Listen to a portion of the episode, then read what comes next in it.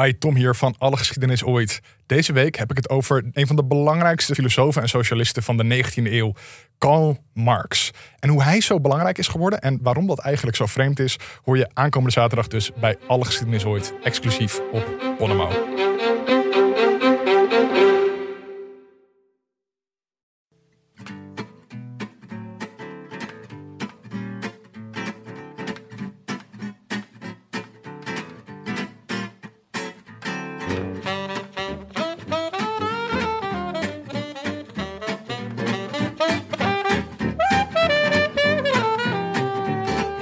Zondag 11 oktober en live vanuit de Dag en Nacht Studio's in Amsterdam West is dit de Rode Lantaarn. De wielerpodcast van Het is Koers.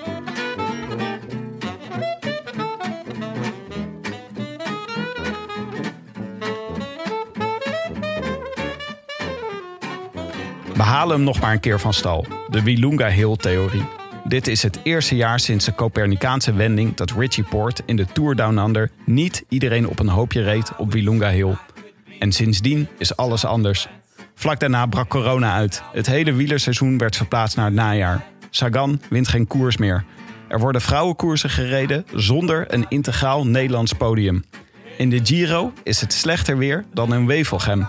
De ene etappe finisht om drie uur en de ander om half vier. Jan Bakelands laat renners verliezen nog voordat ze aan de koers beginnen. En dat was vast ook de strategie van Simon Yates toen gisteren bleek dat hij rondreed met SARS-CoV-2. En als klap op de vuurpijl wint er vandaag een Pedersen in Parijs Tours en een Pedersen in Gent-Wevelgem. Het is dat de Pedersens op waren, maar anders had er vast ook eentje in de Giro gewonnen. Daar werd het een Portugees met een bakpfeif in het gezicht waar Anthony Lurling nog wat van kan leren. Zo eentje die met een eend op de borst rondfietst. Ook zoiets wat weer alleen kan in 2020. Desalniettemin, felicidao aan weer een Portugees in deze Giro. Ruben Guerreiro. Castro Viejo, the Spaniard, Guerreiro, the Portuguese, hoping to become the first Portuguese rider in 31 years to win a stage. Lucas Hamilton, the Australian, and the Brit, Geoghegan Hart, gaining time. And with Castro Viejo failing to ride the Portuguese off his wheel, it would be the former national champion who would take his first ever big win in the pro peloton. A maiden Grand Tour stage win for Ruben Guerreiro, and a second stage win of the race for EF Education First. I wish I could be in the south of France. In the south of France. Sitting right next to you. Oké, en eh, alsof niet al echt alles anders is dit jaar, is, eh, zit ik hier in de studio met Jonne. En zit, Hoi. zit Willem in de bunker in Osdorp, omdat hij een loopneus heeft. Nou, niet alleen een loopneus hoor. Met, met een loop, met een loopneusje had ik nog wel gedacht, dit, is zo, dit, is gewoon, dit hoort gewoon bij het seizoen. Wat loopt er nog meer dan? Nou, keelpijn. Oeh, ja. Ja. Dus, eh, dus ik dacht, die combinatie van symptomen, die, die nopen mij toch om eh, het bezoekje aan de studio af te zeggen. Maar denk je dat je het hebt? in quarantaine. Heb je het? Nou, het lijkt me sterk, maar ik moet wel even zo'n eh, proefje, zo'n testje gaan doen weer. Ja, dat is niet de eerste keer hè, voor jou. Nee, de tweede keer. Jij bent echt zo'n zo'n Hollander, hè? Gewoon, hop, het is gratis. Ik pak hem, pak hem elke week mee. Hup, door die straat maar weer. Ja, ja, ja, bonuskaartje mee en genieten maar. ja, ik weet het niet. Ik ga zo, eh, nou, als we klaar zijn met opnemen, ga ik, een, eh, ga ik een afspraak proberen te maken. Ik heb daar helse verhalen over gehoord. Dat je alleen nog in Goes kan en zo. Maar eh, ja. Goed, Maar, met al die ganzen. ja, bij die ganzen. Ja, Ja, precies. Nee, dat, was in, dat was ergens anders. Koevoorde. Maar ja, nee, de, de- misschien kan ik het combineren met de ganzenparade inderdaad. Dat zou mooi zijn. Maar ehm, nee, ik, ik moet zeker even een testje doen, ja. Maar waar je het misschien mee kan combineren, wat, wat misschien handig is, als je nou dat testje even gaat halen in Roubaix. Want daar is ineens heel veel plaats vrijgekomen. Daar hoeft namelijk geen testje meer worden afgenomen. Mooi bruggetje, Tim. Dankjewel. Ah, dit- die gaat wel voor het slechtste brugje van het jaar, denk ik deze. Jongens, dit is toch echt een ramp. Parijs-Roubaix gaat niet door. Ja, onbegrijpelijk. Echt on, nou ja, onbegrijpelijk. Er woont daar toch geen hond? Ja, ik denk ook. Je kan, Nou, in Parijs en Roubaix wonen best veel Ja, mensen. maar hoor. Parijs, Tour, Parijs Tours mocht starten vandaag. En Mhm. vanuit daar gaan ze naar het zuiden. Maar naar het noorden, daar woont helemaal niemand. Ja. Maar ik denk dat ze bang zijn voor het publiek, toch? Dat er Ja, maar gewoon weer een hoop, hoop publiek komt. En dat die gemeenten die, waar ze doorheen gaan gewoon geen vergunning durven afgeven. Ja, het punt is dat ze gewoon niet kunnen controleren hoeveel supporters er langs de kant gaan staan. Maar je zegt gewoon, je mag niet komen. Nul. Ah, Je mag niet komen. Ja, Jonne, maar... En dan die- iedereen die er staat zeg je, hoi, dat is dan eh 150 euro alsjeblieft. Zo moeilijk is het toch niet? Nou, dat Ja, is te moeilijk om te controleren. Dat lukt, dat Het is lukt dus openbare niet. weg. Dat kan misschien in de velodroom wel. Maar je kan toch niet mensen verbieden om langs de kant van de weg te gaan staan... waar toevallig een koers gaande is. Nou moet jij eens opletten. Ja. Dat kan je gewoon wel verbieden. Ah, ik moet wel zeggen, ik vond het wel... eh, we, waren natuurlijk al, we hadden natuurlijk het voorjaar... hadden we natuurlijk zo klap na klap gehad... van al die koersen die waren afgelast. Maar deze komt toch wel aan hoor, moet ik zeggen. Ja, dit is Ik- echt eh, onthoofding. Parijs-Roubaix is wel echt mijn lievelingskoers. En ik, ik vind het wel echt heftig... dat we het gewoon een jaar zonder moeten stellen. Ja, het, is, eh, het zou ook de grote showdown worden, denk ik. Hè? Tussen Wout van Aert en eh, Mathieu van der Poel dit jaar. Ja. Ja, Mike Teunissen, ja. Mike Teunissen en Ja, Die van had, die had geprofiteerd van deze, van deze epic showdown. waarschijnlijk wel. Ah, we, hebben, we hebben zondag zijn nog. De twee grootste verliezers van dit weekend. Ja, snap ik. Nou, corona was wel een beetje een thema hè, deze week. Want eh, Simon Yates die stapte dus uit de Giro. Ik weet niet of hij nou zo wisselvallig reed vanwege corona. Of dat dat gewoon in de aard van Simon Yates ligt. Lijkt wel een beetje zo te zijn. Volgens mij had hij geen klachten. Dus het is niet, eh, dus het zou, het zou natuurlijk kunnen, maar het is niet Ja. waarschijnlijk. Heel, heel milde klachten. Maar ik moet wel zeggen, toen hij zo eh, op dag drie eh, dus, naar de Etna zo al episch loste. Toen kwam hij de, de, de streep over met het, met het truitje helemaal open. Toen dacht ik, oef. Naast het, ja, dat, dat, dat geeft gewoon zo'n slechte indruk. Dan voel je je echt niet goed. Ja, het kan, het kan natuurlijk ook gewoon zijn omdat hij echt afgepeigerd was. Dat heeft Geesink altijd. Die heeft hem altijd zo helemaal zo wapperend open. Ja. Kost Dus je, was dat, de, was dat de reden waarom je dacht, oef. nou ja, het geeft gewoon aan dat je het echt heel zwaar hebt gehad. En ja, als je dat op dag drie al hebt, nou ja, het, het verbaasde me niet. Maar ja, het is een beetje story of his life aan het worden. Je weet nooit wanneer hij goed is. Maar ik vond eh, het meest opvallende deze week vond ik wel het tv-optreden van Jan Bakeland. die dus corona bleek te hebben. Waardoor nu ook eh Ties niet mag starten. Eh, waar ging Ties ook weer starten? In Wevergem Ja. Gent Weverum, ja. Ja. Ja, ja precies. En eh, Michel Wuits eh, ook niet, eh, niet mocht afreizen. Dat was, Ja. ja, ja die, die zat er ook bij. Ja, bommetje Bakelands noemen ze hem inmiddels. Gewoon, eh, hij heeft gewoon een bommetje gelegd onder, eh, onder het hele Belgische wielrennen als hij niet oppast, toch? Ja. Ja, Wel fascinerend dat dan Lotte Kopecky, die toch ook aan die tafel zat, die, eh, mocht, gewoon, eh, die mocht gewoon wel starten vandaag. Ja. ja Sunweb is altijd wel een beetje het braafste jongetje van de klas, heb ik het idee. Maar Mm. eh, ja, op zich goed hoor. Eh, laat dat voorop staan.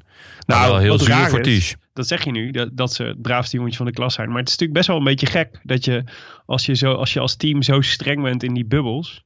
Hè, wat Sunweb de hele tijd is geweest, volgens mij. Ik bedoel, we hadden het vorige aflevering nog gehad over eh, Michael Store, die eh, weggestuurd werd omdat hij een shampoo, shampoo was gaan kopen. Ja. Dat het dan toch best wel raar is dat je eh Ties Benoot toestaat om naar een tv-studio, waar je toch heel veel andere mensen tegen gaat komen, te sturen. Ehm, eh, ja, ik bedoel, het is ma- makkelijk praten achteraf, maar daar zullen ze toch wel een beetje spijt van hebben. Gok ik. Ja, ja gekke zo. keus. Ja, zeker. Ja, toch? Ja. Want het, is ook, het was ook niet, hij had er ook niet kunnen zitten. Had hij Ja, niet misschien- of zo. toch, toch zichtbaarheid. Ik bedoel, Ja. ja, ja dat hebben ze, hebben ze ook nodig. Weet je, het is eh, ja, toch een soort van vervanging van de Heilige Week. En ja, dan als je ergens zichtbaar eh, kan zijn, dan is het daar, zeker in België. Ja, maar je Ja. zou zeggen, wees dan zichtbaar in Gent-Wevelgem zelf in plaats van in de voorbeschouwing. Ja, ja, dat is waar. Maar ik begin me langzaam maar zeker wel een beetje zorgen te maken om de Vuelta. Die eh, volgende week start. Over negen dagen om precies te zijn. Wat een beetje gek is. Ja, heel gek. Op dinsdag hè, start hij. Ja, dat is toch raar? Ja, ze hebben gewoon Nederland overgeslagen. Dus normaal gesproken waren dan zeg maar zaterdag, zondag, maandag de etappes in Nederland, geloof ik. Met een Ah, rustdag. Ja, ja. En, dan, eh, en nu begint het gewoon dus op dinsdag. Dus ze hebben gewoon Nederland geschrapt. En eh, ze beginnen op de plek waar ze, waar ze dan eh, waar ze naartoe waren gevlogen. En je had verwacht dat ze net als de Giro gewoon een ander eh, start zouden doen. Gewoon dan, weet je wel, ook op Sicilië, weet ik veel. als, het, als het peloton daar toch is. ja. Ja. Maar nu, eh, dat was eh, wat wel leuk was geweest, was even de overlap tussen de Giro en de Vuelta. Gewoon het gevoel hebben dat er twee grote rondes tegelijk bezig zijn. Daar verheugde ik me al een beetje op. Gewoon even een kan nog, van twee pelotons. Dat lijkt wel echt leuk geweest. Maar, Gewoon drie dagen samen fietsen. maar jullie hebben het al opgegeven, merk ik. Oh ja, het is natuurlijk, gaat het nog gewoon een week door dan. Ja, Dat is de derde week van de, ja, ja. van de Giro. Ja, zeker. Dat is Sim, dus, jongen. Je bent net een verstrooide professor Ja, en toe, hè? maar maar niet op is... dezelfde plek bedoelt Tim. Ja, Ja. dat was... De eh, Vuelta is gewoon in Spanje en de Giro in Italië. Ah, zo, ja. ja, gewoon twee, twee pelotons achter elkaar aan op zo'n brede weg. Had best gekund. Ja, Best wel leuk. Maar het, is wel, het ziet er een beetje zorgwekkend uit. Want als je op het kaartje kijkt van Spanje. Je kan, dan kan je gewoon, eh, als je googelt op eh, corona in Spanje. Dan krijg je gewoon zo'n kaartje. En de gedeeltes eh, van Spanje waar de Vuelta doorheen moet. Dat, eh, die kleuren, laat ik zeggen, vrij donkerrood. Dus eh, ja, bij de toerstart maakte dat niet zo uit. Want Nice was ook donkerrood toen ze daar eh, startten. Mhm. Maar ja, ik ben toch een beetje. Ik moet toch een beetje de Vuelta van Tom worden. Dus eh, Ja. ja. ik maak me er wel een beetje zorgen om. ja, ja same hier. De, het wordt gewoon eh billenknijpen, denk ik. Billen knijpen. En, hoe dan ook raar, toch? Want eh, ik hoorde Karsten Kroon volgens mij vandaag ook zeggen dat in ieder geval die, eh, die Jumbo-Visma jongens ook allemaal geen niet een hoogtestage of zo hebben kunnen doen. Omdat, het, eh, omdat overal die gebieden zo afgesloten zijn. Dat je eigenlijk niet, meer mag, niet echt makkelijk kan reizen en zo. Oh, echt? Dus de, de voorbereiding is ook voor heel veel renners heel anders. Dus als we al een Vuelta krijgen, dan zal het, een, zal het ook in dat opzicht weer een rare zijn. Ja. Oké, laten we. We gaan het zo meteen nog verder over eh, de koers hebben. Eerst nog even terugkijken naar wat we eerder gezegd hebben. Natuurlijk waren er weer rectificaties. en de eerste was voor jou, eh, Jonne. Dat ging over COVID-19. Ja. Natuurlijk een van onze favoriete renners uit het peloton. ja, schitterende renner. Eh, waar Wel echt een plaag voor de rest van het peloton, maar voor de rest, eh, ja, prima peer. Kan je even vertellen waar het over gaat? Ja, zeker. Eh, Ruben S. die mailde ons. Beste bankzitters. Het was weer een leuke podcast om naar te luisteren. Maar als student Infection and Immunity... Dat is iets Engels, denk ik. eh, kon ik het toch niet laten om een rectificatie in te dienen. Het betreft de zaak COVID-19. Overigens een geniale woordgrap. Waarvoor dank Ruben S. Jonne gaf aan dat COVID-19 het coronavirus is. Maar dat is onjuist. COVID-19 staat namelijk voor Coronavirus Disease 2019. Dit betreft dus de ziekte die je krijgt na infectie met het virus en niet het virus zelf. In deze pandemie hebben we trouwens te maken met het SARS-CoV-2. Wat niet het coronavirus is, maar een soort coronavirus. Ja, het ging dus over Alessandro Covi. Ja.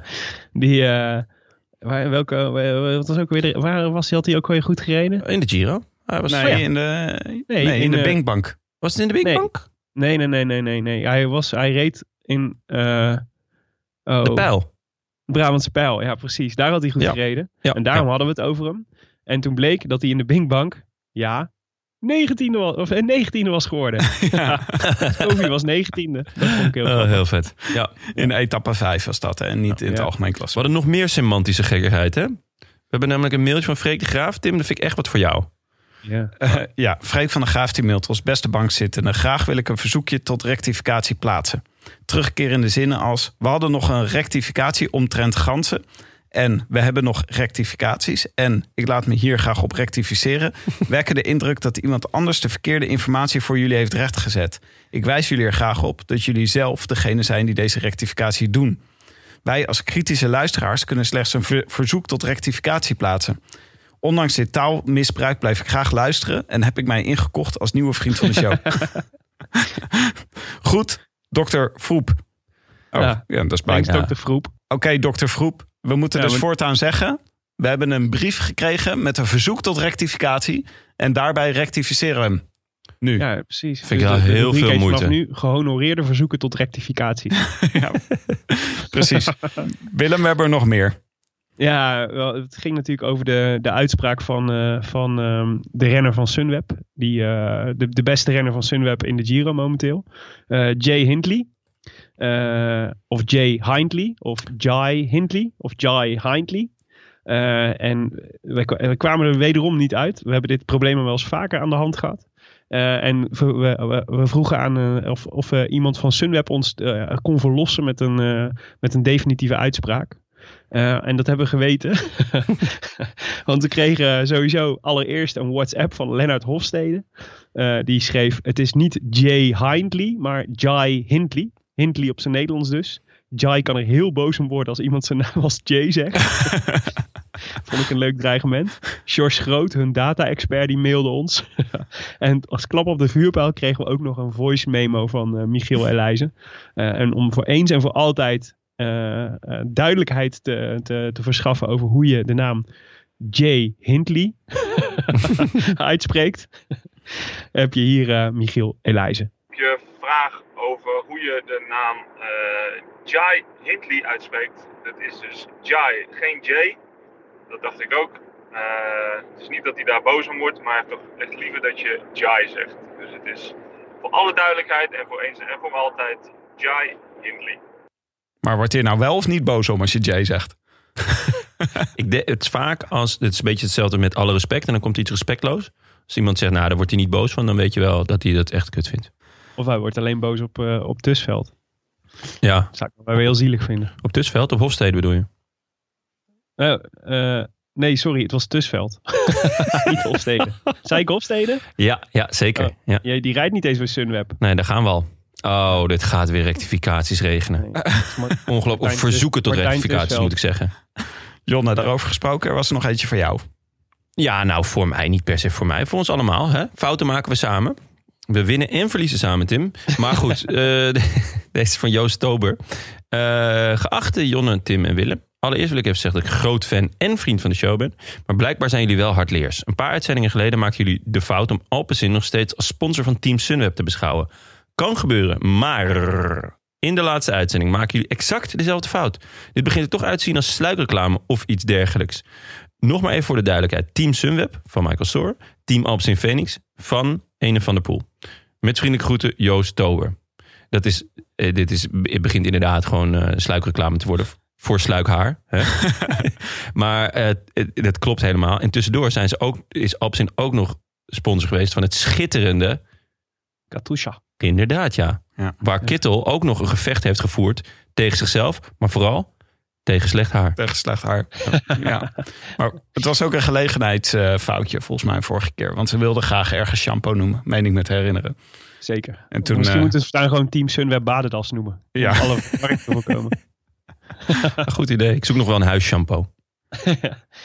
er was er nog één leuke brief. Willem. Ja. Ja, heel leuk. Ja. We hadden in de vorige uitzending hadden we Selma Huisman. Die ons eh, berichtte over het WK in Doha. Waar zij als enige toeschouwer aanwezig was geweest. Eh, maar ik kreeg vandaag, eh, of nou, de- deze week kreeg ik een- extra berichtje van haar. Van iemand, iemand had haar namelijk gehoord. Of had ons horen vertellen over haar eh, rectificatie. En ze schreef, lieve bankzitters, dank voor het voorlezen. Een vriend die ik een beetje uit het oog was verloren. En al zes jaar niet had gesproken. Heeft vanwege deze rectificatie contact opgenomen. En we hebben net een uur gevideobeld. Dus er staat nu ook een herstelde vriendschap op jullie palmares. Wauw, extra. Nou, ik heb. Ik heb weer kippenvel. Ik vind het echt leuk. Echt, wat een warmte jongens. Ik vind trouwens we een beetje uit het oog verloren en elkaar al zes jaar niet had gesproken. Dat vind ik wel. ja, ik ben wel benieuwd wat dan echt uit het oog verloren is. Mooi, is eh, Nederlands understatement. Is Ja. dat. Gewoon, Zo doe je dat, ook als je in het buitenland bent. Ja, Maar je moest er maar even op proosten, dacht ik. Ja, ik zeker. afstand en jullie eh, daar in de studio. ja, Santé. Ja, dat is hebben een jullie goeie. überhaupt aan het bier gedacht, nu ik er niet ben?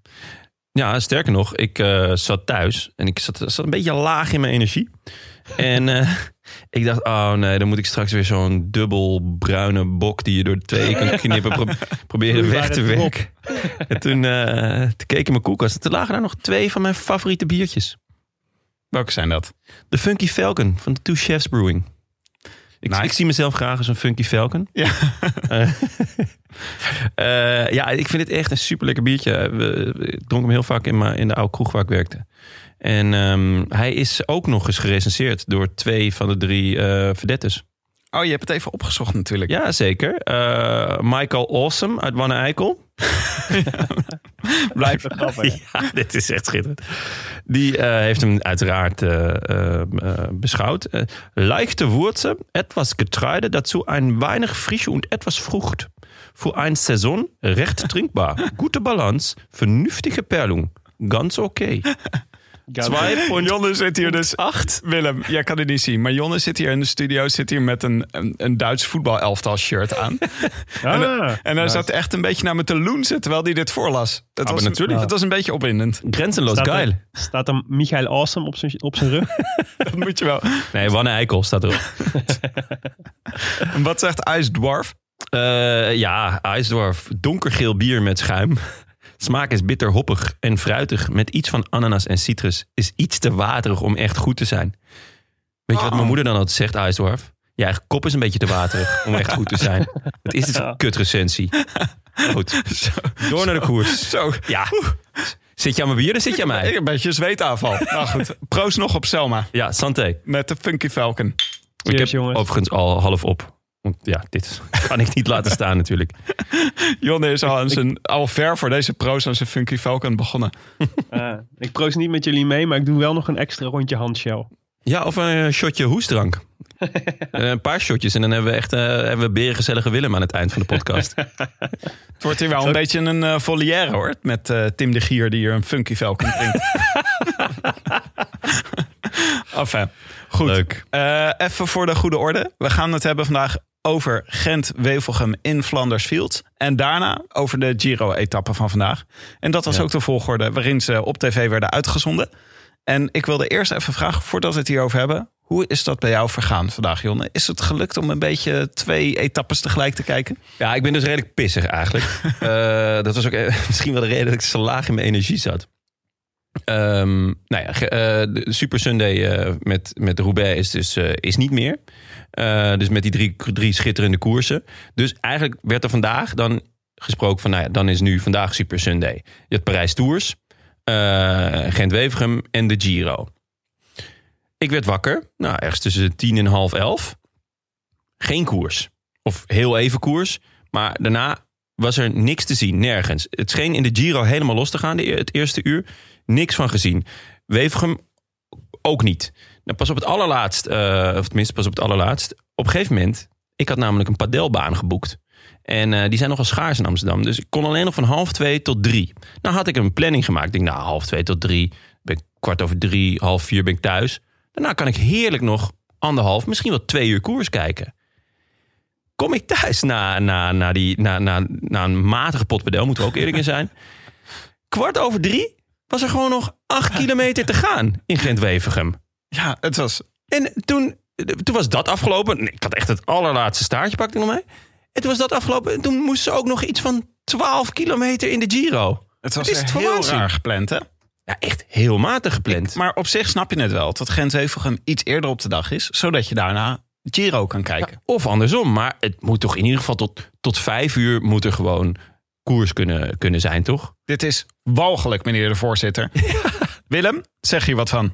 Ja, walgelijk. Dankjewel. Ja, ik vond het ook wel lekker hoor, dat het gewoon om vier uur allemaal klaar was. In ieder geval nog iets anders, kon, kon ik iets anders gaan doen.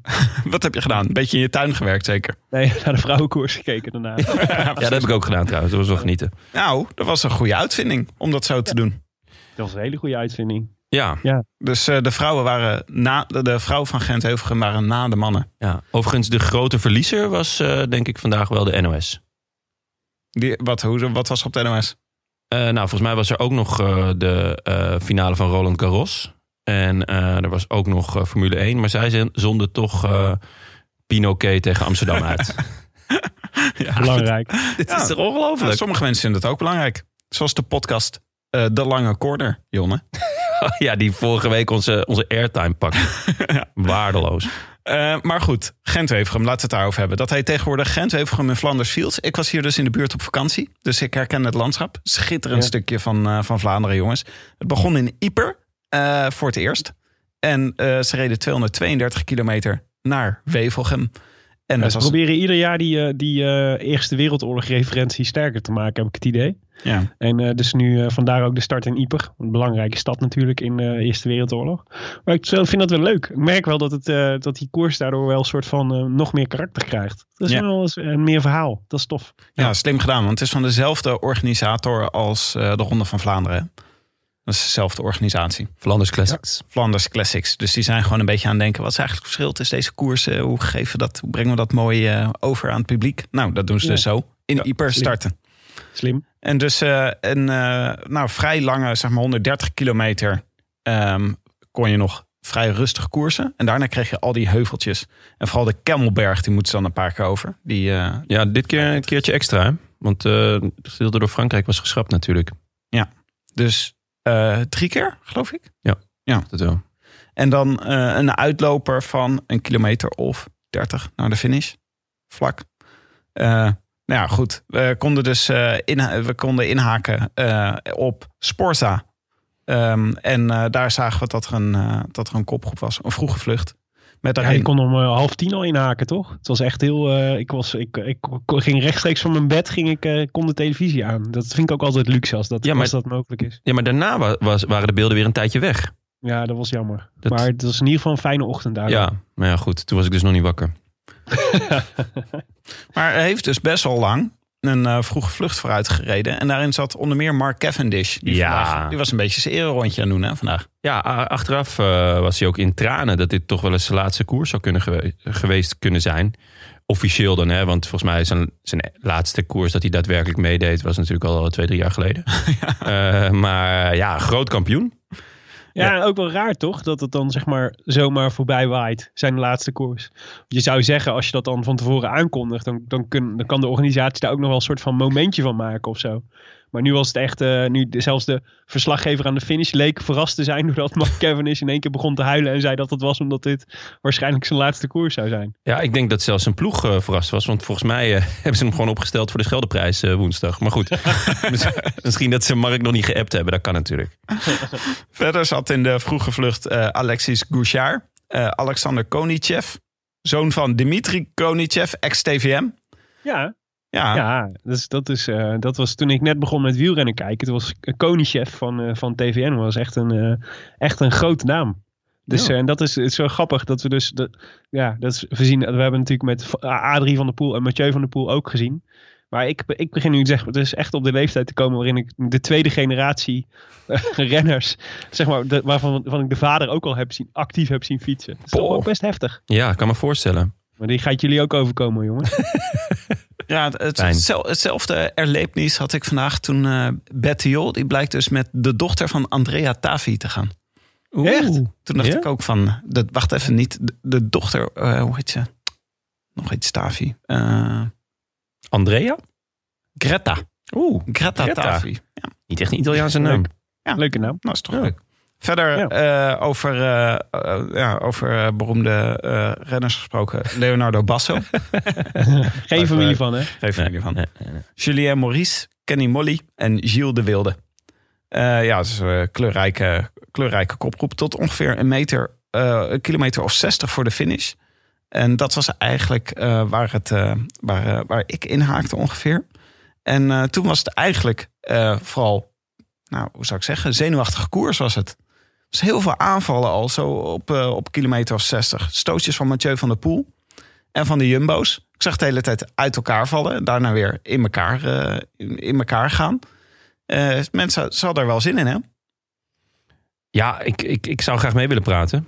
Maar ik, ik, heb dus, ik, heb, ik heb vrij weinig kunnen zien. Ik heb wel een gedeelte teruggekeken. Maar gek genoeg had mijn recorder ook bedacht van... nou, deze sportzaal op zondag neem ik een keertje niet op. Eh, dus ja, ik heb het met, met flarden en stukken terug moeten kijken. Dus ik, eh, ik, ik la- laat deze even aan Willem. Ja. Nou, het was, ja, was chaos eigenlijk. Maar het was, eh, het was wel leuk. ik vond het wel leuk, want er, gebeurde... Het was sowieso prachtig weer om naar koers te kijken. Dat, hier regende het een beetje. En af en toe, af en toe was er een regenboog en zo. Maar dat was in Daro ook. Dus eh, je had af en toe regen en dan stak de wind weer op. En op een gegeven moment was er zo'n fase waarin het in één keer heel hard leek te waaien. En toen waaide Daniel Os de gracht in. En, eh, en het had dan op een gegeven moment had het in één keer echt superveel geregend ergens. Waardoor de renners in één keer door 10 centimeter aan plassen moesten, moesten fietsen. Eh, en reed de ploegauto van, eh van eh de Groei zich vast in de, in de smurrie. dus moest wegenwacht voor gebeld worden en zo. Ja. En ja, dat was toch wel, ja, ik vond er was wel, het was, er, viel genoeg te zien, zeg maar, in die, in die tijd. De, En normaal gesproken is de, de Moeren is natuurlijk altijd zo'n zo'n bekend moment dat het op de kant gaat. En daar gebeurde nu eigenlijk helemaal niks. Hmm. Eh, maar ehm, ja, maar de- ja, het was gewoon, het was wel leuk. Af en toe is een, eh, ja, klinkt altijd heftig. Af en toe is een valpartijtje. Maar als het zonder erg is, is het wel, dat maakt dat de koers natuurlijk wel Ja. interessant zo. Ik vond wel, ik baalde wel dat Oliver Naser eh, weer, eh, weer tegen het asfalt lag, hoor. Dus, veel pech, veel pech ja, voor Olly. dit, dit was toch een beetje de bedoeling dat dit jaar toch zijn jaar zou worden van de klassiekers. Ja. Nou, het ging wel. Hij was, werd geïnterviewd van tevoren. En toen, eh, het ging natuurlijk nog even over zijn knie. Die hij geblesseerd had in de Bing Bang Tour. Maar waarbij al wel bleek dat bij die laatste etappe dat Van de Poel won. En hij tweede werd en eigenlijk nog heel dichtbij kwam. Dat het met die knie eigenlijk best wel meeviel. En dat had hij zelf eigenlijk ook wel. eh dat was hij zelf, had hij ook wel moed uitgeput. Het is wel zuur dat, het dan, eh, dat hij dan weer, eh, weer weer valt. En volgens mij ook weer op die knie viel. Ja. Maar dit was dus, het was wel bijzonder dat we zaten dus 60 kilometer voor de finish. En ze ging er echt al voor. Dus het was, je hebt, eh, ik ben het helemaal met je eens. Het zag er gewoon allemaal schitterend uit, het parcours.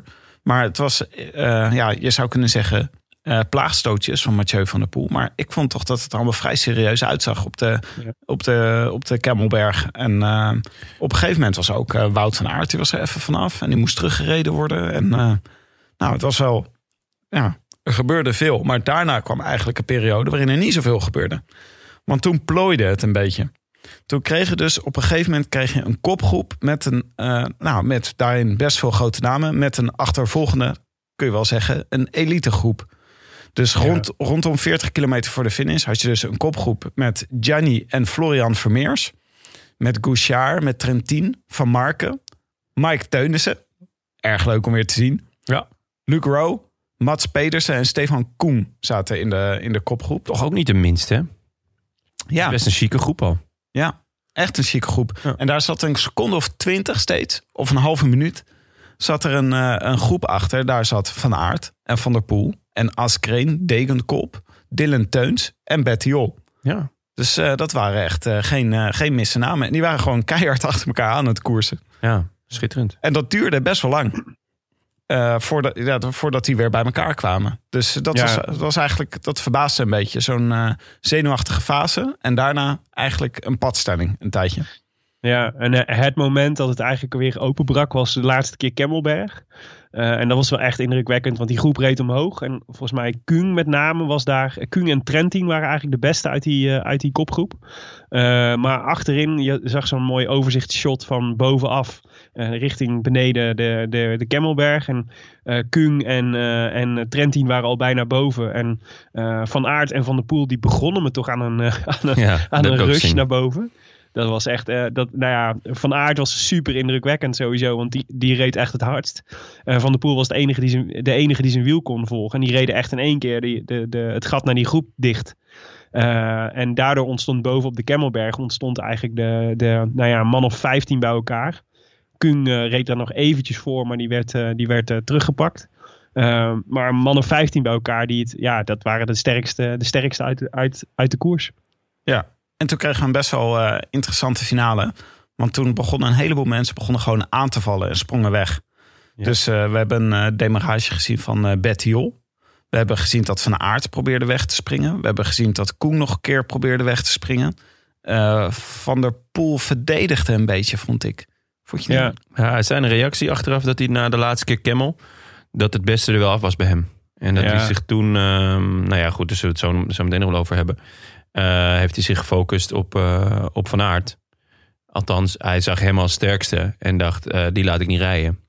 Ja, Want dan rijden we samen naar de, naar de meet in ieder geval. Er waren in ieder geval nog twee momenten waarvan ik dacht, die waren echt wel bepalend voor het koersverloop. Dat was op een gegeven moment die aanval van Bettiol zorgde ervoor dat hij eigenlijk die groep van 15 in, twee, nou, ja, in tweeën brak. Eh, en onder andere Teunissen zat er dus vervolgens niet bij. Dus wat betekende dat Van Aert eigenlijk geïsoleerd zat in de kopgroep. Eh, en eigenlijk gebeurde hetzelfde eh, met Van der Poel. Want die had Gianni Vermeers eigenlijk bij zich als, als knecht. En die viel op een Ja. gegeven moment. En waardoor hij ook alleen kwam te zitten. En, eh, en dat was wel bepalend voor wat er vervolgens gebeurde. Want zij hadden allebei eh, heel veel baat gehad bij, eh, bij een ploeggenoot die het beter had kunnen controleren. Nou, wat wel een mooi moment was. Ik keek dus op Sportza. En vlak voor de laatste kilometer sprong Bettiol weg. Trentin, Seneschal en Pedersen glipten achter hem aan. Waardoor Wout zei... Hè? Er rijden alleen maar buitenlanders weg. Ja, Die was echt een zenuwinzinking nabij. Ja, die vond die al was, dat Van der amused. Aert groot onrecht werd aangedaan. ja. Dat Van der Poel de hele tijd achter hem aan bleek, bleef, eh, bleef rijden. Ja.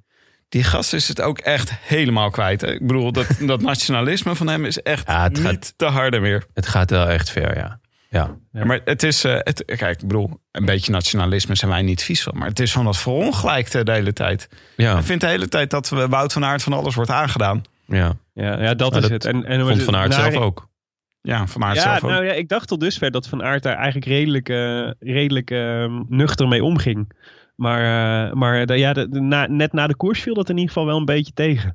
Ja, Maar ja, daar moeten we het zo nog maar even over hebben. Ja. Maar ik vond na die aanval van, eh van eh dus Trentin, Seneschal en, eh en eh, Bettiol die, eh, die er vandoor gingen. Ehm, daar zag je eigenlijk dat, dat eh, eh, Van Aert en Van der Poel eigenlijk dat, dat, dat eerst dat moment misten, zeg maar. En toen was er, het, maar het fascinerende was dat, dat eh, net toen ik dacht, oh, dit is, het is jammer dat jullie nu niet, eh, dat jullie er niet achteraan rijden, want dit kan wel eens de beslissende zijn. Dat Mats Pedersen toen het besluit nam om er in zijn eentje achteraan te Ja. gaan. Eh, en in zijn eentje dus dat gat dichtreed. En dat bleek Ja. met, de, met de kennis eh, van nu, zeg maar, bleek dat en heel belangrijk en waanzinnig knap. Maar ook eigenlijk dus maakte het eigenlijk tot twee gemiste kansen voor Van der Poel en Van Aert om, om terug te komen op die groep. Maar was het, eh, was het niet zo dat Mats Pedersen die sprong er achteraan? Eh, Wout van Aert die zag dat, of eh, Van Aert Van der Poel zagen dat gebeuren. Er viel een gat. Van Aert die ging het nog proberen, die zette nog aan. En Ja. net op het moment dat eh, Van der Poel dan over moest nemen om dat laatste stukje dicht te rijden, stuurde Van der Poel weg. Ja, Van der Ja. Poel had, eh, ja, ik, maar ja, ik denk dat het eerder uit onmacht was dan uit onwil hoor. Eh, ik denk, en ik, nou ja. ja want anders eh, had hij nog kunnen winnen. Ik bedoel, kijk, kijk naar Pedersen, die, die hem gewoon pakt. Ja, Maar het was wel echt heel knap dat Pedersen dat, dat groepje daarvoor nog terughaalde. ja, ja, hij want- had kennelijk wel de macht die, die dus Van Aert niet had ook. Ja. Nou, of eh, ik, ik ging eigenlijk vanuit dat Van der Poel dat laatste stukje niet dicht wilde rijden. Omdat het, dat volledig Wout van Aert in de kaart speelde.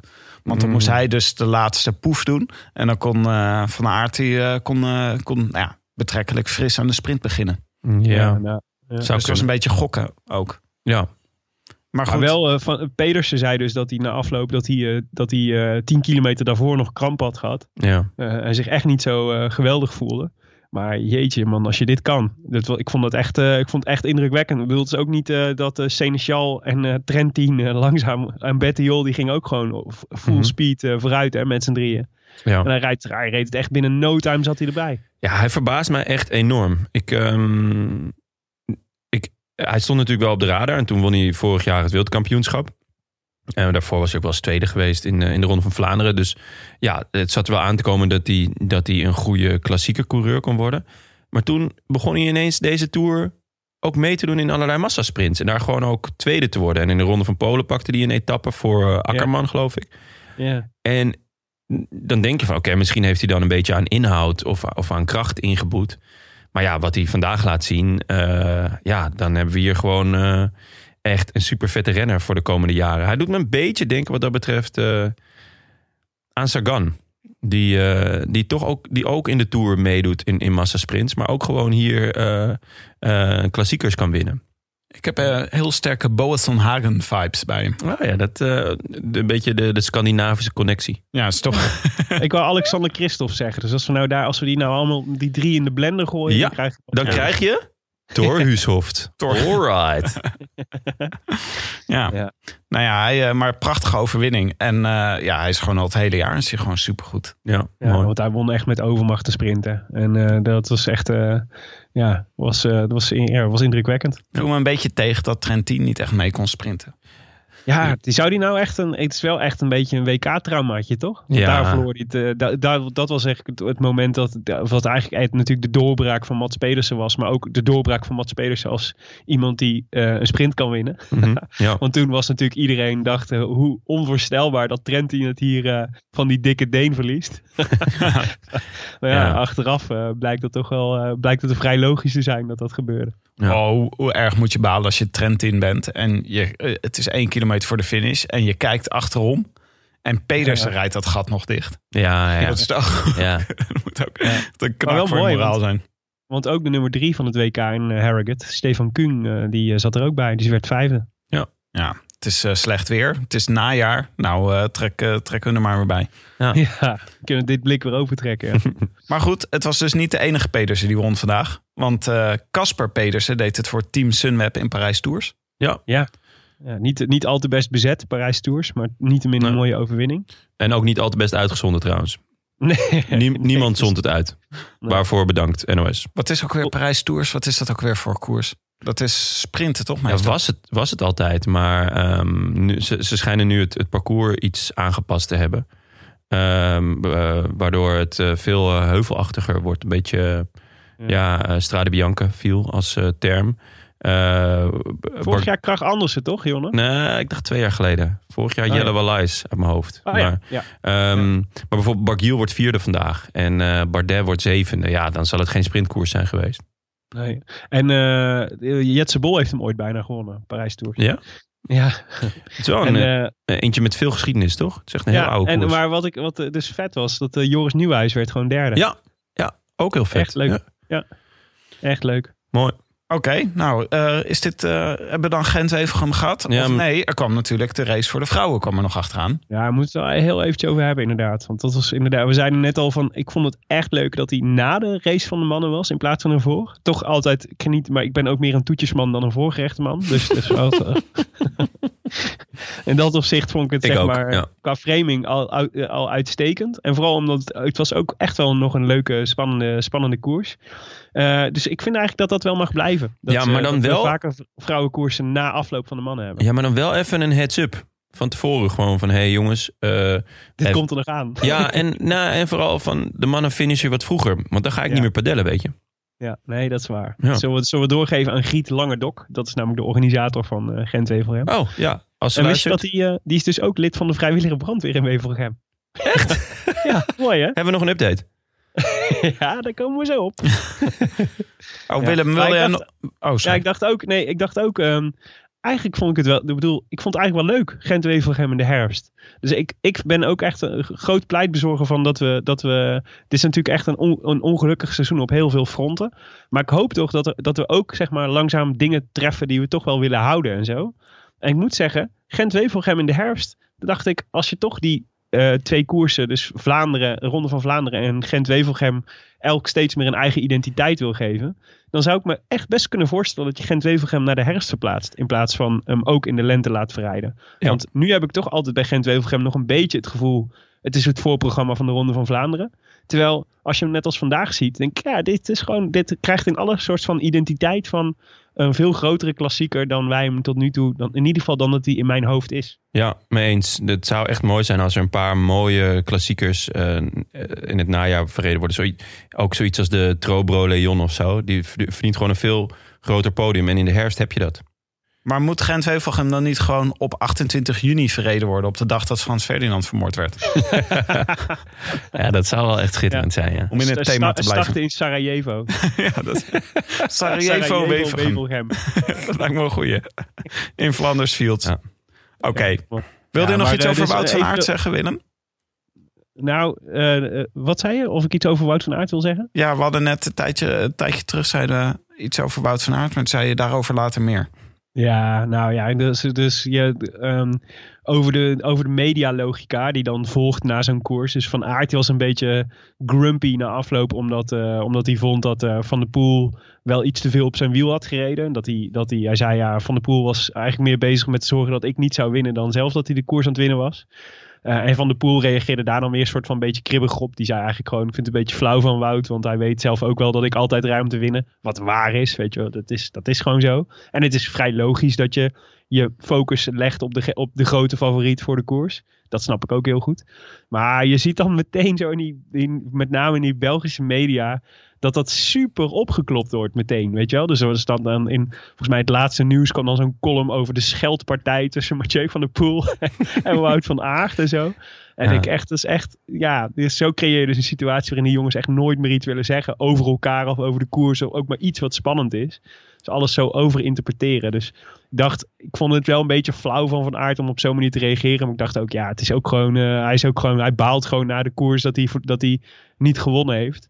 En dat is de voornaamste reden. Ik denk dat hij nog steeds eh, Van de Poel prima renner vindt en andersom ook hoor. Maar bij de vrouwen dus geen Nederlander op het podium. Niet eens bij de top 5. Pas op de Crisis is zevende plek. compleet. Ja, Crisis is compleet. Gitzwarte Ja, dat was, dag. eh, dat was heftig. Tijden van Ja. Rob Ruig, ze zijn er weer. Twee, en, en sterker nog, twee Belgen op het podium. Op 1 en 2. Ja. Dat is ook, eh, dat is ook dus de, de, België, de Belgen zaten in crisis en, eh, en hebben nu eh, hoogtijdagen. En wij, wij zakken weg in het moeras. maar wacht even. Marianne Vos deed niet mee, of, of wel? Nee. Nee, Marianne Vos deed niet mee. Eerste En, Wild ook niet, want die had ook eh, corona. en Annemiek van de- Vleuten deed niet mee. En Anne van der Breggen deed niet mee. Oké, dat heeft misschien, dat heeft ook misschien iets te maken met de uitslag. ja. Nee, maar eh, het was, eh, de, de, st- sterker nog, eh, ehm, we, speelden wel degelijk een belangrijke rol. Want eigenlijk kwam het vooral, de, de overwinning van Jolien Doren kwam ook vooral tot stand door het geweldige werk van Amy Pieters. Die werd volgens mij uiteindelijk achtste of negende. Ehm, en en die, die, die controleerde eigenlijk voor in de groep zodanig en zo goed dat Jolien Doren de sprint kon winnen. Eh, dus het was toch een, eh, was weliswaar een Belgische zege, maar met een, eh, met een Nederlands randje. Gelukkig is ook niks nationalistisch ons vreemd, hè? Nee. en Demi Vollering, Vollering is heel jong en, en een groot talent. Dus die gaat de komende jaren gaat al die Belgen overheersen. Joh. Wordt Geen zorgen. zevende vandaag. Geen zorgen. Oké, laten we het over die Giro hebben. Want daar stond vandaag een enorme bergetappe op programma. Ja. Namelijk van San Salvo naar Ro- Roccaraso. ik ben altijd, elke keer als ik hier aan begin, dan eh, weet ik weer dat eh, ik eh, Leon Geuyen of, eh of Liedewij boos op mijn, op mijn dak krijg. Die Maar wij ons ook. Niet door, ons niet door Tim, we vergeven het je. ja, Nou, ik niet hoor. Ik ben ook echt woedend nu.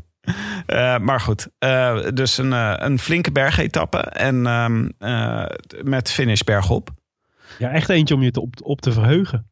Ja, Als je maar, vooraf aan naar, de, naar het Giro-programma kijkt en denkt welke etappes moet ik opschrijven omdat ze de moeite waard zijn om te gaan kijken, dan stond deze er wel bij. Ja, je zou bijna kunnen spreken van een uitdagend parcours. ja, meer dan 4000 hoogtemeters. De slotklim eh, bijna 10 kilometer met een gemiddelde van 5,7 procent.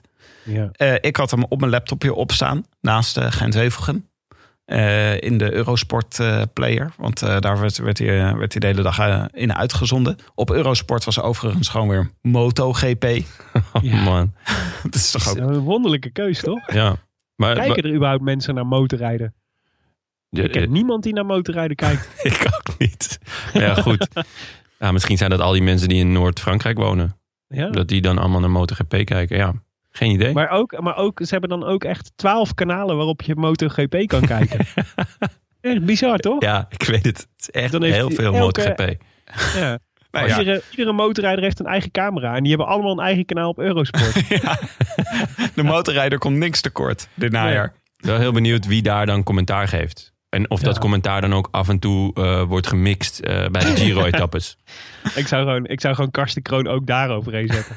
Maar bij de Giro duurde het heel lang. Ik vond het eh, bijzonder demotiverend dat het regende in de Giro. Want ik vond het juist heel erg leuk om naar het mooie zomerse landschap te kijken. Ja. Maar het regende dus. Eh, ja, nou ja, het regende. en Het was gewoon super saai. Ja. Het was echt, eh, het was echt een vreselijke wedstrijd. ja, ja, Ja. Ik, had, ja, ik, had- Ja. ik zou het graag anders zeggen. Maar de, de Gent-Wevelgem was echt genieten. En, en Giro was echt eh, precies... eh, het was eigenlijk het negatief van, de, van, de, van Gent-Wevelgem. Want Het was, je had een hele vroege vlucht. Ja, god. Ja, dus, ik bedoel, we kunnen de namen opnoemen. Nou, laten we het even doen voor de administratie. Laurie Warbas. van Laurie AG Warbas. War- Warbas. Ruben Antonio Almeida Guerrero van IF Education. Kilian Franchini, Frances DG. Eduardo Sepulveda van Movistar. Ben O'Connor. Probeer alle... Ja, alle- mooi. ja, echt mooi. Ga zo door. Jonathan Catravejo Nicolas van Ineos. Mikkel Bjerg van UAE. Giovanni Visconti van Vinizabu. Ja, Ja, schitterend. ze. Die Visconti trouwens. Hebben Ja. jullie die foto gezien op Twitter van hem? Nee? Hij, eh, in etappe 6 ehm, werd, hij, eh, werd zijn voet bijna gespiest. Ze waren, eh, ze waren een afdaling aan het doen. En op een of andere manier denk ik dat er iets op de weg lag. Een soort eh, een, een inbussleutel. Daar leek het in ieder geval op op de foto. En die is door zijn schoen heen geschoten. Wow. Dus ja, en, eh, en, maar dan zeg maar, ja, helemaal aan de voorkant. En hij, echt, ik vermoed tussen zijn tenen door, want hij had dus niks. Maar het zag er echt bizar uit, die foto. Gewoon gespiest. En eh, dat had heel anders kunnen aflopen voor Giovanni. Maar kennelijk eh, goed, want anders zat hij vandaag niet in de kopgroep. Ja, hij, was, eh, hij zat natuurlijk in de kopgroep omdat hij voor het bergklassement rijdt. Ja, en nou, dat en met doet hij succes. ja. niet onverdienstelijk. Maar goed, Nee. wij zaten natuurlijk gewoon te hopen dat er demarages waren in het peloton. En Ja. die, die bleven eigenlijk gewoon achterwege. We hebben Ja, heel veel trek op kop zien rijden. We hebben kleine stukjes Sunweb op kop zien rijden. Ja. Maar het was voor de rest was het niet echt... eh, nou, er moesten ook niet eens heel veel mensen af in dat peloton een hele lange tijd. Dus Nee, ja, ik wil, ik wil, het was inderdaad oerzaai. Ehm, maar toch, toch één iemand eventjes eruit lichten vanuit de kopgroep. Of eigenlijk iemand die er heel lang tussen reed. Die eh Mikkel Bjerg. Ja. Dat wordt echt een beuker hoor. Die is drie keer, Ja, dat is goed, hè? ehm, drie keer wereldkampioen geworden tijdrijden bij de junioren. 17, 18, 19. En hij, re- hij, hij vertrok denk ik toen, hij, toen, toen er al zes minuten of zo eh, had, had die kopgroep. Vijf minuten hadden ze al. En toen dacht hij van nou, dit, is, is mijn teken. ik flik het gewoon. Ze, ze zijn er nu vijf minuten weg. Nou, dit, dit, dit is lekker. Daar rij ik naartoe. En dan denk je heel lang van, nou ja, Chas Patat, written all over it. Maar niet voor eh, Mikkel. Nee. Geen gesmikkel voor Mikkel in de, in de Chas Patat. Ja, fenomenaal. Dus het, het is, ja, echt heel knap. Het is zijn derde eh, top 10 notering eh, deze Giro al. Hij werd eh, gisteren ook al negende. En in de openingstijdrit werd hij derde. ja, Casalon nog op, nog Hij de twee tijdritten. Hij is 21. Dit wordt echt, echt een beuker. Wat doen, die, wat doen die Denen nou weer in hun soep? Ik bedoel, we hebben ook al, eh, we, we hebben al een gouden generatie Slovenen, een gouden generatie Colombianen, Ja. Eh gouden generatie Belgen. Dan komt er ook nog een gouden generatie Denen aan. Gouden generatie Nederlanders. Gouden generatie Duitsers. Ja, Gewoon een gouden generatie. Het is een gouden, in alle opzichten. Eigenlijk alleen de Italianen gaan heel Ja, slecht. en de Spanjaarden. Wat ook wel weer eens lekker is. Want die hebben jarenlang gewoon alles gewonnen wat er te winnen viel. Ja. Ja, dat is zeker waar. Ik zat eigenlijk de hele tijd te wachten totdat Nibali ging plassen. Ja, ja. Kijk, ja, wat dat hebben we. Oké, dan moeten we misschien nog heel even recapituleren. Ehm Vogelsang en Nibali hebben ruzie met elkaar. Althans, eh, Nibali die zei, eh, of uh, Vogelsang schreef in zijn column, schreef hij dat Nibali hem nooit meer gedag zegt. Het zegt überhaupt niks meer tegen hem. Hij kijkt alleen maar, kijk, hij staart wel terug, maar hij zegt niks. Ja, nee, ja, ze zeggen, ja, ze gewoon bijna niks meer tegen hem. Tenminste, Nibali zegt niks, niks meer tegen hem. En Vogeltje heeft geen idee waar het mis is gegaan. Ze hebben samen nog bij Astana gereden. Ja, en daar was, was eh, Vlugeltje natuurlijk gewoon knecht. Ja, En- Vugeltjes theorie is eh, dat, hij, eh, dat eh, Nibali het gewoon niet kan hebben. Dat, dat Vugelsang nu voor zijn eigen kansen rijdt. Hè? Ja. Die gewoon, eh hij daardoor is concurrent. eens knecht, altijd knecht. Ja, maar dat is toch heel Net als raar? zijn broer. Want dat is toch heel raar, want het is niet dat Vugelsang weg is gegaan bij Astana om, om daar te gaan om ergens anders te gaan shinen tegen Nibali. Nee, Nibali is weggegaan. Dus ja, ik vind het, ja, het, het heeft best een hoog ehm, Michael Jordan gehalte, Nibali. ja, vintage de kwal. Wat? Dus vintage Ja, de kwal. dus hij- hij, is gewoon de hele tijd ruzie aan het zoeken met Ja, hij creëert eh, gewoon eh, eh, vijanden. Hij is gewoon Michael Jordan. Ja, weet je Michael? Jordan, dat Michael Jordan. Ja. Zei dat net al. had dus Tien seconden geleden zei ik dit. Vlugeltje had dus tegen hem gezegd dat, eh, nee, want hij was, had dus trek, was op kop, eh, hard op kop gaan rijden op het moment dat Vlugeltje, wat had hij, pech of gevallen was gisteren? Ja, pech. Pech. eh, en eh, en eh, ze waren teruggekomen en toen had Vlugeltje tegen Nibali gezegd, eh, eh, ik zou volgende keer opletten als je gaat plassen. Ik zou, ik zou je moment zeer goed, zeer goed kiezen. Wat ik dan wel weer echt heel erg leuk vond. Ja, vind ik ook. Maar eh, het gebeurde niet. Ik denk dat Nibali de hele dag... Je hebt gewoon in zijn broek geplast vandaag. Wel handig bij de dopingcontrole. Ja. Maar Nibali die was wel wat van plan. Want die zette de hele tijd trek voorop.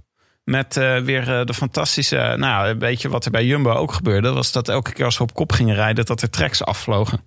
Ja. Dus dat, dat werkte ook niet echt super. Nee. Uh, Sunweb ging ook een paar keer op kop rijden. Ik Zo. denk voor, eh, voor Hindley. En eh, dat was... eh, Ja, ja, Hindley was goed vandaag. ja, dat was tof. Ja. Alle acht zaten er nog van eh Sunweb. Alle acht. Ehm, Dus, dus zeven man en één gast. Ja, maar eh, laten we het even hebben over hoe het met de kopgroep afliep. Want eh, je kreeg een man-tegen-man gevecht tussen Castro Viejo en Guerrero. En ik Ja. vind dat die Guerrero wel een astronomisch bakpvijf in het gezicht heeft. Zo'n kop, zo'n zo'n zeikhoofd. kan ik mooi zeggen, want het is Portugees. Ze luisteren Ja. toch niet naar deze podcast. Maar sommige mensen hebben gewoon... Anthony Lurling had het altijd. Arjen Robben had het ook een beetje in mijn voetbal, weet je wel. Ja. Gewoon zo'n gezicht waarvan je dacht, die verdient het wel om een, om een, om een even een Omper te krijgen. schop op zijn bij de-. Bij de, bij de cornervlag. Gewoon een, gewoon een trap achter op zijn, eh, achter, achter op zijn benen. maar die Guerrero heeft dat ook een beetje. Jezus. Ja, ja. Eh, Maar ja, goed. ik denk eigenlijk dat Castroviejo eh die schop wel wil geven. Want Guerrero heeft geen meter kop, kopwerk gedaan in, in, Nee. in, het, in het groepje daarvoor. Uh, Castroviejo die kan niet eh, demareren. Dat is gewoon niet iets wat hij doet. Wat dat betreft is het ook niet helemaal tempo eerlijk. rijden. Ja. Ja. ja, en Guerrero die sprong gewoon in de laatste kilometer. Want Venijn zat echt in de laatste kilometer. Eigenlijk in de laatste 400 meter. En eh, die, reed gewoon, eh, die reed gewoon keihard bij Castroviejo weg. En won. Ja. En zo is het voor Portugezen een hele leuke Giro aan het worden. Ja. Ja, en voor, en voor EF Education ook. Want het is ook al hun tweede, hun tweede ritzegen. Ja. Ja. Dat hadden ze denk ik toch niet verwacht toen ze aan deze... Aan, dus die dachten, we hebben met de presentatie van ons, eh, van ons outfit al, eh, al eh, het hoogtepunt gehaald. Ja, hij wil zijn shine Ja. nog gepakt. En dan heeft eh Tano Kangert nog niet eens zijn eh, snelheidsduivels ontbonden. Had je Onder- trouwens de sale meegekregen van de EF Ed- Ed- Education eh keer Palace outfits? Nee? was donderdag om 12 uur ging de sale, ging de sale open. Dus kon je, kon je de, alle spullen kopen die Nee. van EF Education waren. En toen heb je voor En, mij... Even, even om een beeld te geven, een jackie eh, voor 500 euro. Het was niet goedkoop. En eh, binnen vier minuten alles uitverkocht. en dat heb je gewoon voor mij gekocht. Ja, ja. Nou, dat ja. vind ik echt sympathiek. dat vind ik echt... Ja, Dat had je niet hoeven doen, maar ik ben er wel heel blij mee. Nee, je moet er wel de hele dag in lopen. Ja, dat is prima, joh. Je kent me. Ook die tijdrithelm, hè? ja, die is wel heel vet. Gewoon mee door Amsterdam. maar eh, bij het peloton die reden gewoon met z'n allen naar de, naar de finish. Ja. Eh, en pas in de slotkilometer gebeurde er wat. Het een Ja, en de ander. slotkilometer was ook wel echt om je te op te verheugen. Want die, die klim was wel lang, maar de, de, het venijn zat in de staart. Want daar ging het pas echt omhoog. En, ehm, en eh, ja, Jay, Jay, eh, Jai Hindley. Jai, Jai Hindley met nog iemand van Team Sunweb. Ik herkende hem even niet. En die ging samen met, eh met Vogelsang, gaven ze, gaven ze nog even gas. En dat was mooi, want, eh, want eh, ze lieten best wel, eh, ze, ze, ze maakten nog best wel wat afstand ten opzichte van Almeida bijvoorbeeld, maar ook Nibali en Bello Bilbao en Kruiswijk was, die vond ik echt ver achter zitten eigenlijk, te ver. Zover dat Koen Bouwman zelfs voor, voor Kruiswijk was. Hoe, Ja. Hoezo kan Koen Bouwman in één keer klimmen trouwens, dacht ik. Nou, hij was ook best wel goed in de Giro van Ro waar Roglic... eh, even kijken waar Carapaz won en eh Roglic eh, net niet mee kon. Maar toch niet, zo, toch niet zo goed dat hij gewoon zo lang mee kan om een klim. Nee, maar eigenlijk was er daar gewoon... gewoon verkeerd onthouden. Dat Ja, kan hoor. Maar, Maar er was denk ik vandaag gewoon niet zo heel veel gebeurd. En Kruiswijk kan dit gewoon niet. Als iedereen ineens super hard op zijn steile klim begint te rijden... van die springveren, daar kan hij gewoon niet zo goed mee omgaan. Ja, en ik, wat, wat Tim zegt is wel waar. Ik denk gewoon dat er niet zo hard gekoerst werd. Ook. Niks ten nadele van Koen Bouwman hoor. Maar meer, eh, ik, ik denk dat, dat iedereen gewoon eh, het, ja, redelijk eh, safe naar de, naar de finish reed. Maar niet zo hard gekoerst werd. De, de, mm, dat zou, dat, qua tempo zou misschien kunnen. Maar het was natuurlijk wel loeizwaar met die regen en zo. Dus Harm van Hoeken werd na afloop geïnterviewd. En die zei gewoon dat hij de reden waarom hij niet meer mee kon aan het einde. Zei hij ja, het sloeg gewoon op mijn benen van de kou en van de, en van de, de hele dag in de regen fietsen. Eh, dus de omstandigheden waren wel echt heftig. Dus ik vermoed wel Ja. dat, ze, eh, dat ze echt uitgeput waren na afloop van de race. Ja, wat dat betreft eh, is het goed nieuws voor Jai Hindley en die andere gozer van Sunweb. Ja, want misschien moeten we even naar... de- eh, wacht, even voor de administratie. Even eh, de uitslag van deze rit. Dus Guerrero wint voor Castroviejo... die acht seconden later binnenkomt. Eh Mikkel Bjerg, die kwam dus Ja. in niemandsland in zijn eentje licht zagrijnig over de finish fietsen op 58 seconden. Daarna kwam het, kwam het groepje langzaam binnendruppelen. Frank, Frankini, ehm Warbas, eh, Gegenhard. eh, die was nog even weggefietst eh, uit het groepje van eh, favorieten. Samen met Lucas Hamilton op een gegeven moment. Maar die kwam dus eh, op ongeveer eh 1 minuut 20 kwam die, kwam die binnenrijden. Eh, en daarna kwam het groepje met eh, favorieten. Ja, nummer 8 slaan we even over. En dan negende wordt Vogelsang. En eh, tiende met eh, Jai eh, Hindley. Als de eerste man van Sunweb. Ja. En eh, laten we even kijken naar het algemeen eh, klassement. Almeida, weer Portugees. Eh die blijft gewoon, eh, blijft gewoon in de eh, rijden. Nummer twee, Bilbao. Daarna Pozzo Vivo, Nibali, Vogelsang, Van Houken, Conrad, Nou, ik vind wel... Jai Hindley. Nee, nummer drie Bilbao dan toch wel. Ik snap dat we hem niet noemen. Maar we- om iemand dan anders dan eh, zijn plek te geven, vind ik ook wel weer wat. Ja. Ik snap dat we heel voorzichtig willen zijn met, met deze precaire situatie. Van de huidige nummer twee in het algemeen klassement. Eh, er zijn natuurlijk ook wel luisteraars die wellicht de vorige podcast niet hebben gehoord. Ik wil het er niet over hebben. We- maar we gaan het niet over de nummer 2 in de huidige eh, algemeen klassement hebben. Maar Bilbao is derde. Ik wil het ook niet hebben over het niet hebben over de nummer twee. Oké, oké. nou, dan gaan we verder met nummer 3, Peo Bilbao. Ja. En ik zag ook, wat wel het leuke was, ik zag ook eh, luisteraars, en denk ik tenminste luisteraars, ook eh, op Twitter vandaag andere mensen erop aanspreken die, die, die het wel over, eh, over, eh, over, de huidige nummer 2 van over het de algemeen klassement. hadden. Ah, en ja. anderen daar elkaar ook op aanspraken dat het, dat, het, dat dat niet kan. Dat je dat niet kan maken. Ja. Zeker niet nu. Nee, En, en, eh, en daar was ik heel, werd ik heel blij van. Dus ik dacht, dat, dat hebben we wel nodig de komende twee weken. Dat we elkaar ook durven aanspreken op gedrag. Ja, ja. Ja. en eh, we- weet je, laat die hele coronamaatregelen dan maar even zitten. En focus even hierop. op, op elkaar aanspreken hierop. Ja. Dat is belangrijker. Maar eh, het blik op het algemeen klassement. Kruiswijk zakt wel even drie plaatsen. Van eh, de achtste naar de elfde plek. Ja. Door, eh, blijft door- speelbaar, hè? Ja, zeker. Zeker met die derde week die er nog aankomt. Dit, dit wordt echt nog bal, jongens. Dit wordt echt nog bal. Ja, en ik moet ook zeggen, ik denk dat er in die top 10 nog wel een paar mensen staan die wel eens zouden kunnen wegvallen de komende weken. Ja? Luister, de, luister je toevallig naar de namen Harm van Houken? Van Hoeken? Ja, van Hoeken gewoon, hè? Niet van, Hoeken? Houken. Maar waarom staat er dan een OU? Ja, waarom staat er dan van Houken, Willem? Ja, Ja, ja, dat weet ik niet. Het is van Hoeken in ieder geval. Ja. Zo zeggen ze het op de Belgen voortdurend. Maar Maar van, wat ik heel hoopvol vond, was dat Almeida eh, tijd verloor vandaag. Toen dacht ik, Ja, dacht ik oké, deze jongen...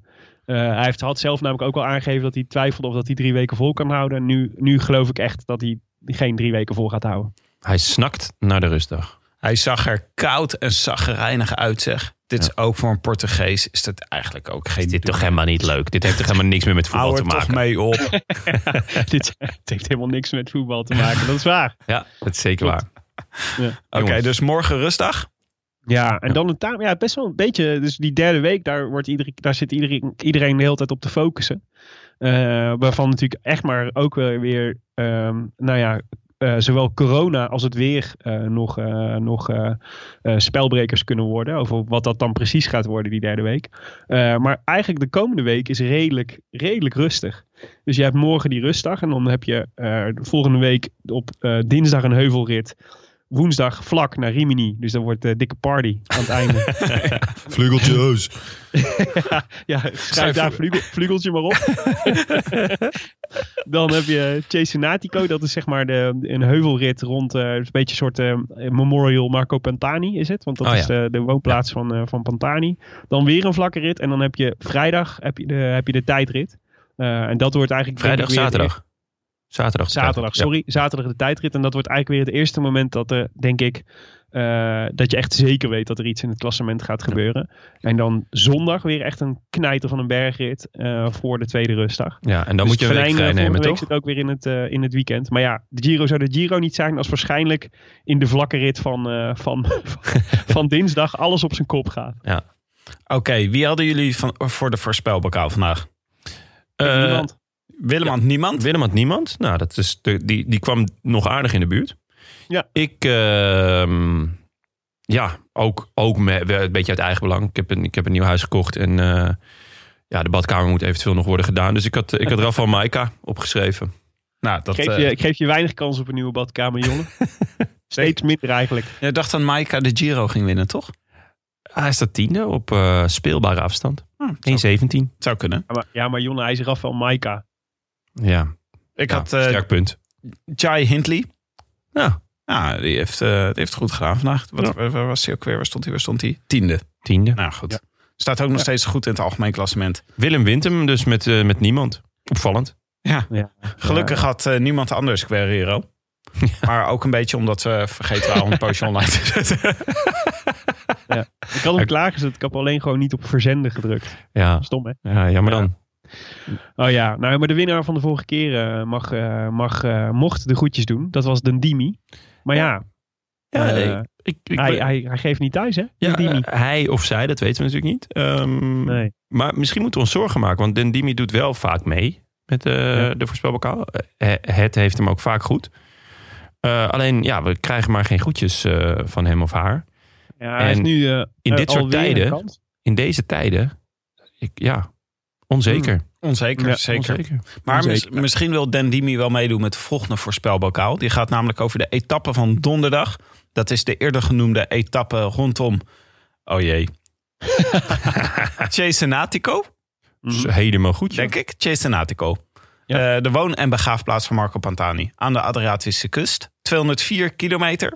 En lijkt wel een beetje op luik bastenaken luik Dus daar kan best nog wel eens wat gebeuren. Je zou kunnen spreken van een uitdagend parcours. Een zeer prikkelend parcours. Zeker. Ehm, ja, maar ja, dit is weer zo'n etappe waarvan je denkt... Hmm, ja, Je moet bij toeretappe.nl gaan werken, Tim. ja, Kun je het zinnetjes opschrijven. maar dit kan toch echt werkelijk alle kanten op. Dit kan ook gewoon een eindsprint worden.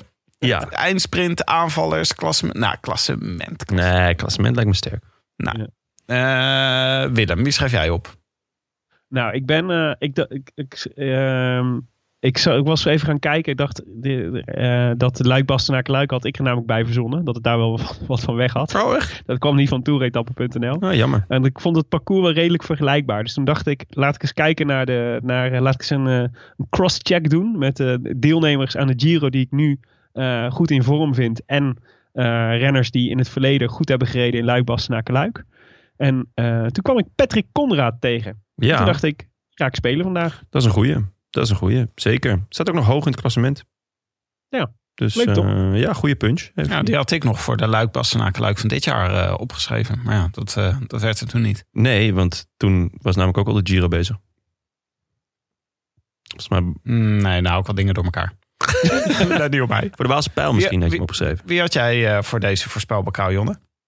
Ehm, ja, eh, omdat er toch ooit ook een obscure Italiaan moet winnen deze Giro, ga ik voor eh Viella. Ah ja. Villela. Villela. Ja, jongens, we kunnen er echt Van, ehm, naast Mobistar. zitten. Eh, Ja, van de Mobbies toch is hij? Van de Mobbies. Ja, ja, precies. Een Ja. Italiaan bij de Mobbies. Ja, ik moet zeggen dat de Mobbies leuker koersen dan ik had verwacht als ik naar het gestuurde team keek.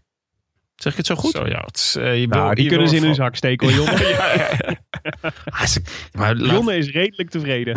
ja, maar wat Mobistar, ja, die sturen elke keer gewoon, sturen ze gewoon eh, allemaal eh, semi-profs volgens mij. Ja, dit Maar was wel ze echt, koersen eh, wel Dit was wel echt een leuk. summum. Een Ja. afvaardiging dit keer. Nou, ik eh schuit Giovanni Visconti op. Saai. Oh, Ja, Leuk. ik denk gewoon bergklassement. Die gaat hier natuurlijk mee in de kopgroep.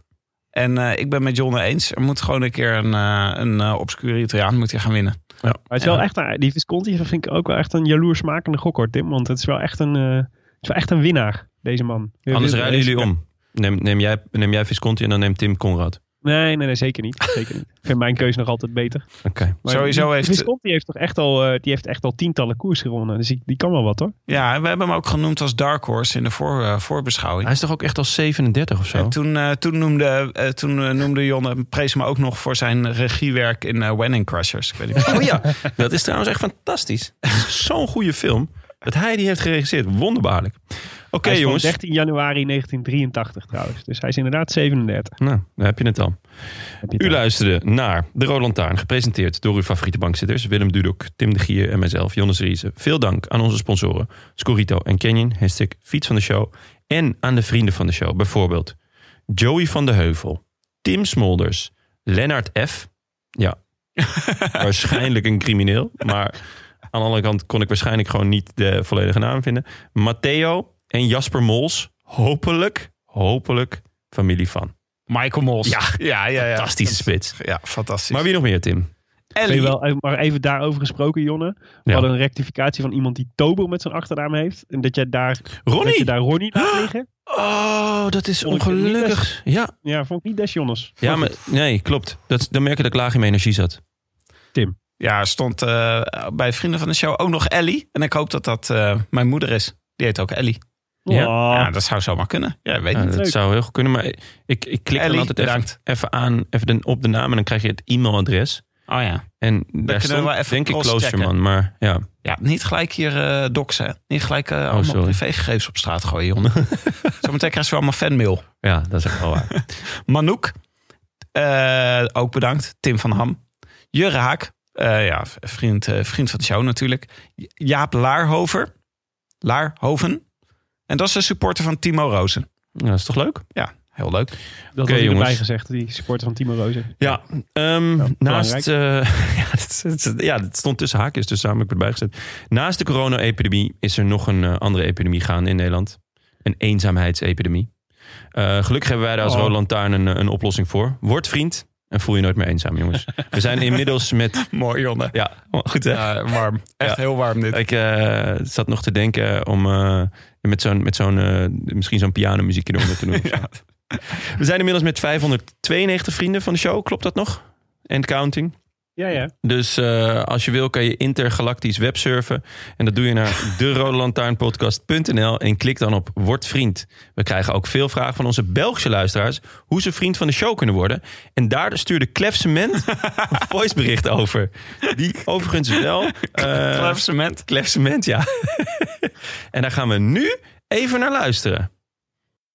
Dus voor de Belgische luisteraars van de Rode Lantaarn podcast, of zoals eh, mijzelf, de Nederlanders die in België wonen, je kan ook vriend van de show worden door gratis een Bunkbank account app te downloaden en via die weg eh, lid te worden. Dus je hebt niet per se Ideal of een Nederlandse bank nodig. Succes mannen, groeten Michiel. Oh, Klef. Clef, super sympathiek. Eh, opvallend wel dat hij... ja, dus wel groeten met van Michiel deed. Maar dat was waarschijnlijk dan een vriend van hem of zo. Eh, want dit was, dat hoorde je aan alles, Clef Cement. enfin, eh, Ik vind het wel veel werk om vriend van de show te worden uit het buitenland. Kun je dat niet even makkelijk regelen, Tim? Ja, Tim. Hup, aan de slag. Ja, er wordt nu gebouwd. Dat komt eraan. Het komt eraan, jongens. Maar Komt je moet allemaal ook... eh, het is momenteel oorlog hè, met België. Dat Ja, is... eh, zeker. Het is... eh, Dat bemoeilijkt de zaak. ja. dat gaan we niet makkelijk maken. Nee, eh, makkelijker kunnen we het ook niet maken. Ehm, eh, wel, nou ja, never mind. en zo draag je rechtstreeks bij aan onze nieuwe shows. En wellicht een zeer verdiend derde huis voor Willem in. Zeker. Alles kan. Eh, de Rode Lantaarn wordt verder mede mogelijk gemaakt door Dag en Nacht Media en Hitskoers.nl, de wielenblog van Nederland en Vlaanderen. Wij danken hen voor de steun op vele fronten. En in het bijzonder Bastiaan Gejaar, Maarten Visser, Leon Geuyen en notaris Bas van Eyck. Tevens gediplomeerd brandweerman te Maden. Willem, hebben we nog een update? Nou, ja, kijk, ik had eh, vorige, vorige aflevering natuurlijk de noodklok geluid. Ja. Want eh, het was al zo lang geleden dat er nog iets gebeurd was in Maden. Dat ik, nou ja, serieus aan het overwegen was om ja, toch het gesprek met Den Hout en Oosterhout voor te zetten. Maar ehm, ik weet nog, dus we hebben de vorige aflevering, eh, we nemen altijd zo rond acht uur op. En dat was met, op woensdagavond met Nienke. En om tien over half negen dus eigenlijk even nadat ik de brandweer in Maden voor het laatst had gewaarschuwd, kreeg het brandweerteam Maden een melding binnen. Namelijk dienstverlening aan derden in de Patrijsflat in Maden. Nou, de, de, de vaste luisteraar zal dat herkennen. Hè, dat is één van de plekken in Maden waar veel bejaarden wonen. En waar veel bejaarden wonen is vaak, is vaak alarm. Veel pyromanen. ja, zeker. Ja, of, of gewoon mensen die snel in paniek raken. Dat zou kunnen. Eh, maar tijdens het inmelden kregen we te horen dat de ambulance om assistentie gevraagd zou hebben. Eh, dus moesten ze aanrijden. Eh, maar na enkele minuten aanrijden kregen ze alweer te horen dat de hulp niet meer nodig was. Oh. Dit kan heel goed nieuws zijn. Namelijk, oh, het viel allemaal wel mee. Of heel slecht nieuws. Het was toch al geschiet. Het is, het is niet meer nodig. Oh, Wat ook niet uit te sluiten valt. De een patrijsflat is afge- afgebrand. was echt, er was niks meer van over. Maar dat was, tot, dus, eh, tot was een retourtje kazerne. Maar dat maakt niet uit. Uitdrukken is uitdrukken. uitdrukken is uitdrukken. Dat, dat is een, een wel bekend Maden spreekwoord. Heb ik laatst opgezocht. Uitdrukken is uitdrukken. Uitdrukken is En, eh, op- uitdrukken. En Duitsland is het beloofde land. Toch? Dat is, dat is een beetje het motto daar. eh. Desnoods rij je een rondje over de rotonde en dan ga je weer terug de kazerne in. Maakt niet uit, je bent uitgerukt. En dat is Ja. het belangrijkste. Zeker. Wil je reageren op deze Roland Taan? Dat kan via vele wegen. Je kunt ons sowieso vinden op Facebook en Twitter. Maar- Twitter zegt. Twitter. Ik vind het mooi. Eh, maar je mag ook mailen naar groetjes En we vinden het superleuk als je ze een review wil achterlaten op iTunes. Omdat we ze zelf leuk vinden, vind ik echt. Maar ook omdat ze anderen helpen de show te vinden. Tim, hebben we er nog eentje? Zeker. Eh, we hebben er eentje van eh Dai, Lady Dai, denk ik. nee, Marionski 77 heeft op dinsdag, dat is de Dai van dinsdag, eh, een 5 sterren recensie achtergelaten met de titel Altijd fijn, net Nienke. nu Kees er is, hebben we Nienke een post moeten missen, maar ineens zit ze bij de vrienden van de Rode Lantaarn. Wielerpraat wordt altijd leuker met, leuker met Nienke erbij. Hoera. En daar bedoelt Marionski 77 natuurlijk mee dat eh, de, eh, doelt ze mee de podcast Ik Ken Iemand Die. Ja. Die er een tijdje niet was, omdat Nienke aan het bevallen was. Maar zie hier. Ja, en volgens mij omdat Anne Janssens een beetje moet doormonteren hoor. Ja hoor, de, ja, de producer van Ik Ken Iemand Die. Die wordt hier ook weer gewoon klakkeloos geshamed. Ja, goed. Goed. Aan de slag. Willem, eh, waar, waar heb jij gezeten tijdens deze aflevering? Zat, jij, eh, zat je in de woonkamer of zo, of op de bank? Nee, op mijn logeerkamer zit ik. Ik zit, eh, ik, dit is eh, de lo- logeer slash werk slash Zwiftkamer momenteel. Oh, je, zit je zit niet meer in de kledingkast zoals vroeger. Nee, ik dacht, dit is ook eigenlijk al prima. Ik, kan hier, we hebben hier nu, ik heb hier nu ook gordijnen hangen, dus dan kan ik het een beetje dempen en zo. Blij- En het is veel gezelliger dan in een kledingkast praten. Zeker blij dat je uit de kast bent gekomen, Willem. Dit was echt een uitstekend Coming moment. out day, hè? Ja, Dat is ook ja, zeker. Dat is, zo is de cirkel weer rond vandaag. Schitterend. Wij zijn er donderdag weer. Dus Ja. niet woensdag, maar donderdag. Even opschrijven met een roze pennetje in je agenda, Jon. Heb ik bij me. De, Zeker. en de voorspelbokaal staat nu online. Oh, Willem, je bent geweldig. Je klonk als een nachtegaaltje. En ik zie jullie donderdag weer. Biento. wederdienende. Tot dan. A biento. A biento. Willem. A biento. Mijn amiento was ook rijkelijk vroeg. In the south of France. In the south of France. Sitting right next to you. Maar eh, je klonk heel goed hoor. Ja, Dat was lekker. ik denk, ik denk niet dat we jouw opname nodig hebben, heel eerlijk, om heel eerlijk te zijn. Die quicktime. Maar eh, stuur hem maar op hoor, daar niet van. Wat maar betreft, want ik heb niet opgenomen. dat meen je niet. Ja.